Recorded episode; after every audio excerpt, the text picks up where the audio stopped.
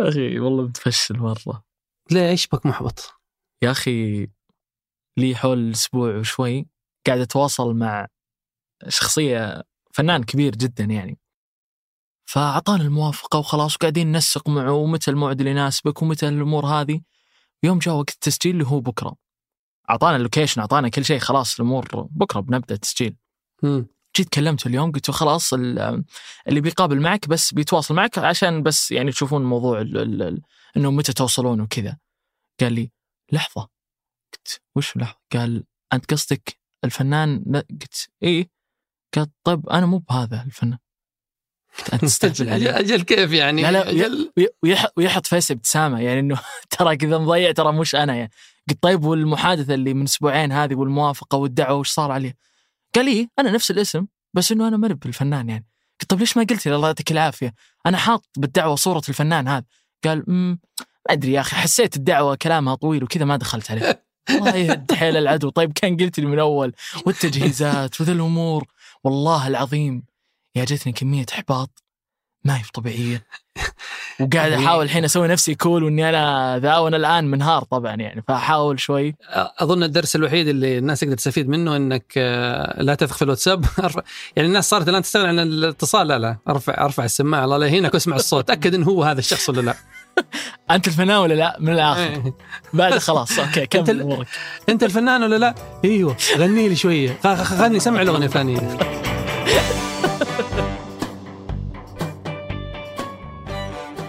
هذا بودكاست الفجر من ثمانية بودكاست فجر كل يوم. نسرد لكم في سياق الأخبار اللي تهمكم. معكم أنا ثمود بن محفوظ. وأنا محمد الفوزان.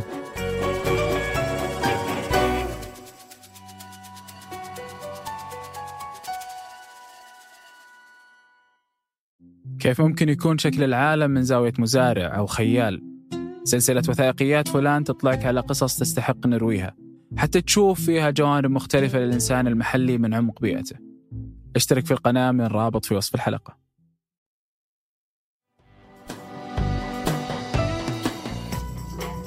رفع رئيس شركة تسلا الملياردير الأمريكي إيلون ماسك دعوة قضائية ضد أشهر شركة في العالم تعمل في مجال الذكاء الاصطناعي وهي شركة OpenAI واللي أنتجت التطبيق الأشهر ChatGPT اللي أحدث ضجة واسعة على مستوى العالم لما نزل أول مرة.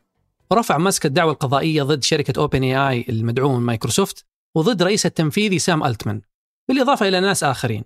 وقال أنهم تخلوا عن المهمة التأسيسية للشركة لتطوير الذكاء الاصطناعي لصالح البشرية على نطاق واسع. وبحسب تقرير نشر في شبكة CNBC الأمريكية تلقت محكمة في سان فرانسيسكو دعوة قضائية يوم الخميس من ماسك. وصرح محامين إيلون ماسك أنه سام ألتمان وغريغ بروكمان وهو مؤسس مشارك لشركة OpenAI تواصلوا مع ماسك في عام 2015 وافقوا على تشكيل مختبر غير ربحي يهدف لتطوير الذكاء الاصطناعي العام لصالح البشرية. وكان ماسك أحد مؤسسين شركة أوبن اي آي في 2015 واستقال من مجلس إدارة الشركة في 2018 وفي حتى تصريح شهير لإيلون ماسك أنه يقول أنه الذكاء الاصطناعي قد يكون أخطر خطورة من الأسلحة النووية. والمحامين قالوا في الدعوة أنه حتى يومنا هذا واصل الموقع الإلكتروني للشركة اللي هي شركة أوبن اي آي الإقرار بأن ميثاقه يهدف إلى ضمان أن الذكاء الاصطناعي العام يفيد البشرية جمعاء ولكن في الواقع الشركة تحولت من شركة أبحاث تهدف إلى إفادة البشرية كلها إلى شركة مغلقة تهدف للربحية.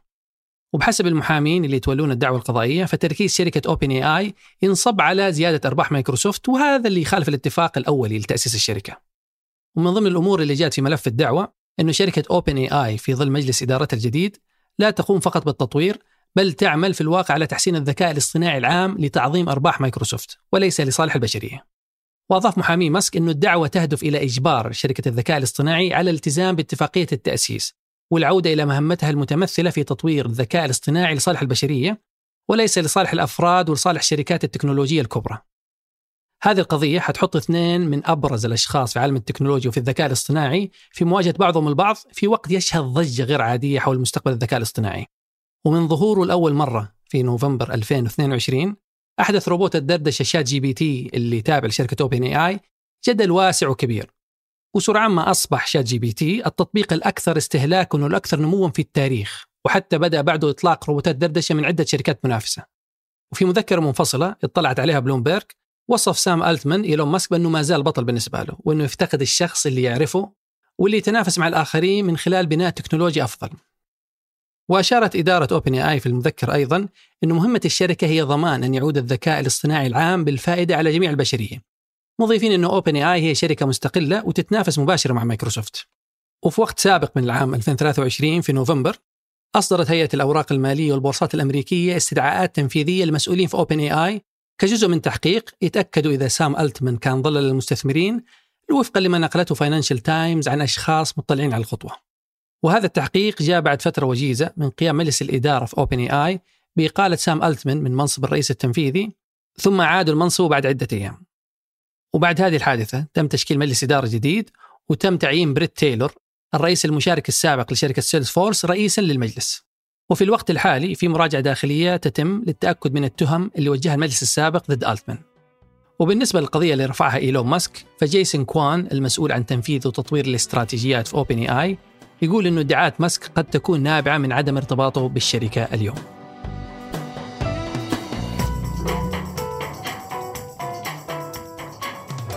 وقبل ننهي الحلقة هذه أخبار على السريع. قالت هيئة الأمم المتحدة للمرأة أن 9000 سيدة فلسطينية استشهدت في غزة. من بداية حرب إسرائيل على القطاع الفلسطيني في السابع من أكتوبر. والنساء هناك يتعرضون للقتل والإصابة بطريقة غير مسبوقة بحسب بيان الهيئة اللي أكد على استشهاد 63 امرأة يوميا في غزة من يوم ما بدأ العدوان. ومن بينهم 37 أم. وتشير أرقام الهيئة إلى أن 84% ياكلون نص أو أقل من كمية الطعام اللي كانوا متعودين ياكلونها قبل بداية الحرب. وفي أمهات ونساء بالغات في غزة يتكفلون بمصادر الطعام للعوائل حقتهم. والهيئة الأممية برضو أكدت أيضا أن 87% من النساء في قطاع غزة يلاقون صعوبة في الحصول على الغذاء مقارنة بالرجال. حتى أن بعض النساء يلجؤون إلى أنهم يبحثون عن الطعام تحت الأنقاض. بحسب الهيئة اللي تطالب بإيصال مساعدات إنسانية فورية ووضع حد للقتل والقصف وتدمير البنية التحتية الأساسية في غزة. ووفق بيان الهيئة إذا ما صار فيه إيقاف فوري لإطلاق النار في غزة في نسبة كبيرة جدا من النساء راح يستشهدون في الأيام القادمة. تستمر أزمة تجاوز دور العرض ومنصات البث لمشاهدة الأفلام بطرق غير قانونية. ويبدو أنها ما راح تنتهي قريبا. خصوصا أن استديوهات هوليوود توفر لهم بيئة خصبة بدون ما يقصدون. حسب بيانات شركة MUSO لأبحاث القرصنة لعام 2023 واحتل فيلم أوبنهايمر المركز الأول في قائمة أبرز الأفلام المقرصنة في السنة الماضية من حيث الطلب. ويجي بعده فيلم أفاتار. ويتشابه الفيلمين في أكثر من جانب. كل الاثنين قعدوا أكثر من 100 يوم في دور العرض. وكل الاثنين تأخروا بالنسبة للمشاهدة المنزلية عبر منصات البث. وهي أسباب كانت كافية في السابق أنها توقف القرصنة. مع أنهم حققوا أعلى الإيرادات في العام الماضي كان الطلب على فيلم باربي أقل بكثير من أوبنهايمر. الفارق بين الفيلمين في التوزيع. باربي قعد وقت أقصر في دور العرض. بعدها صار متاح على منصة بث واسعة الانتشار في موسم الكريسماس. أما أوبنهايمر فأتيحت النسخة المنزلية منه في نوفمبر لكنه ما راح يوصل لمنصات البث لين نهاية الشهر الحالي وخدمات البث تعقد الأمور بعد من صفقات التوزيع المعقدة بين المنصات والاستديوهات مرورا بتشبع مجال البث لكثرة الشركات وتشتت الأفلام والمسلسلات بينها إلى زيادة أسعار الاشتراكات. وكلها أمور تدفع المستهلك إلى القرصنة السهلة شبه منعدمة التكلفة. أطلقت السعودية حملتها لاستضافة نهائيات كأس العالم 2034 لكرة القدم. والمفترض أنها تنجح لعدم وجود أي منافس على تنظيم الحدث الرياضي الكبير إلين الموعد النهائي في أواخر العام الماضي.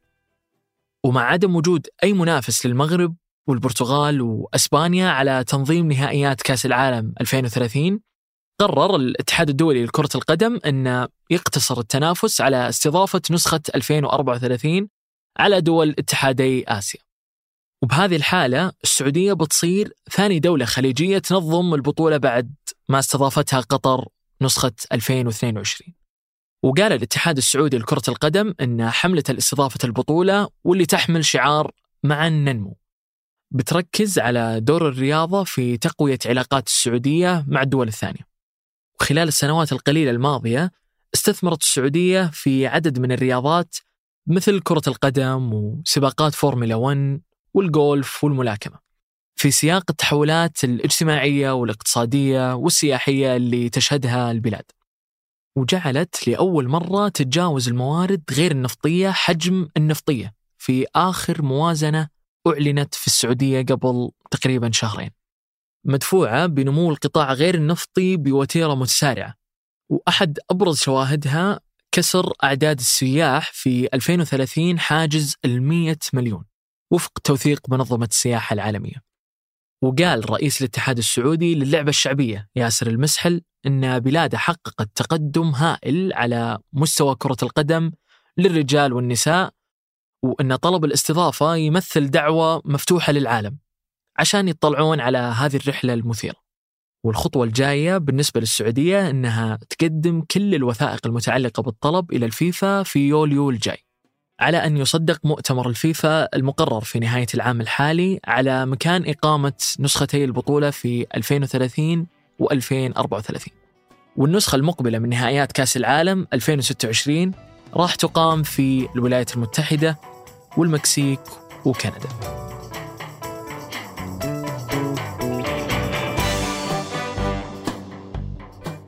أنتج هذه الحلقة حسام الخولي وقدمتها أنا محمد الفوزان وأنا ثمود بن محفوظ. وحررها محمود أبو ندى. نشوفكم بكرة الفجر.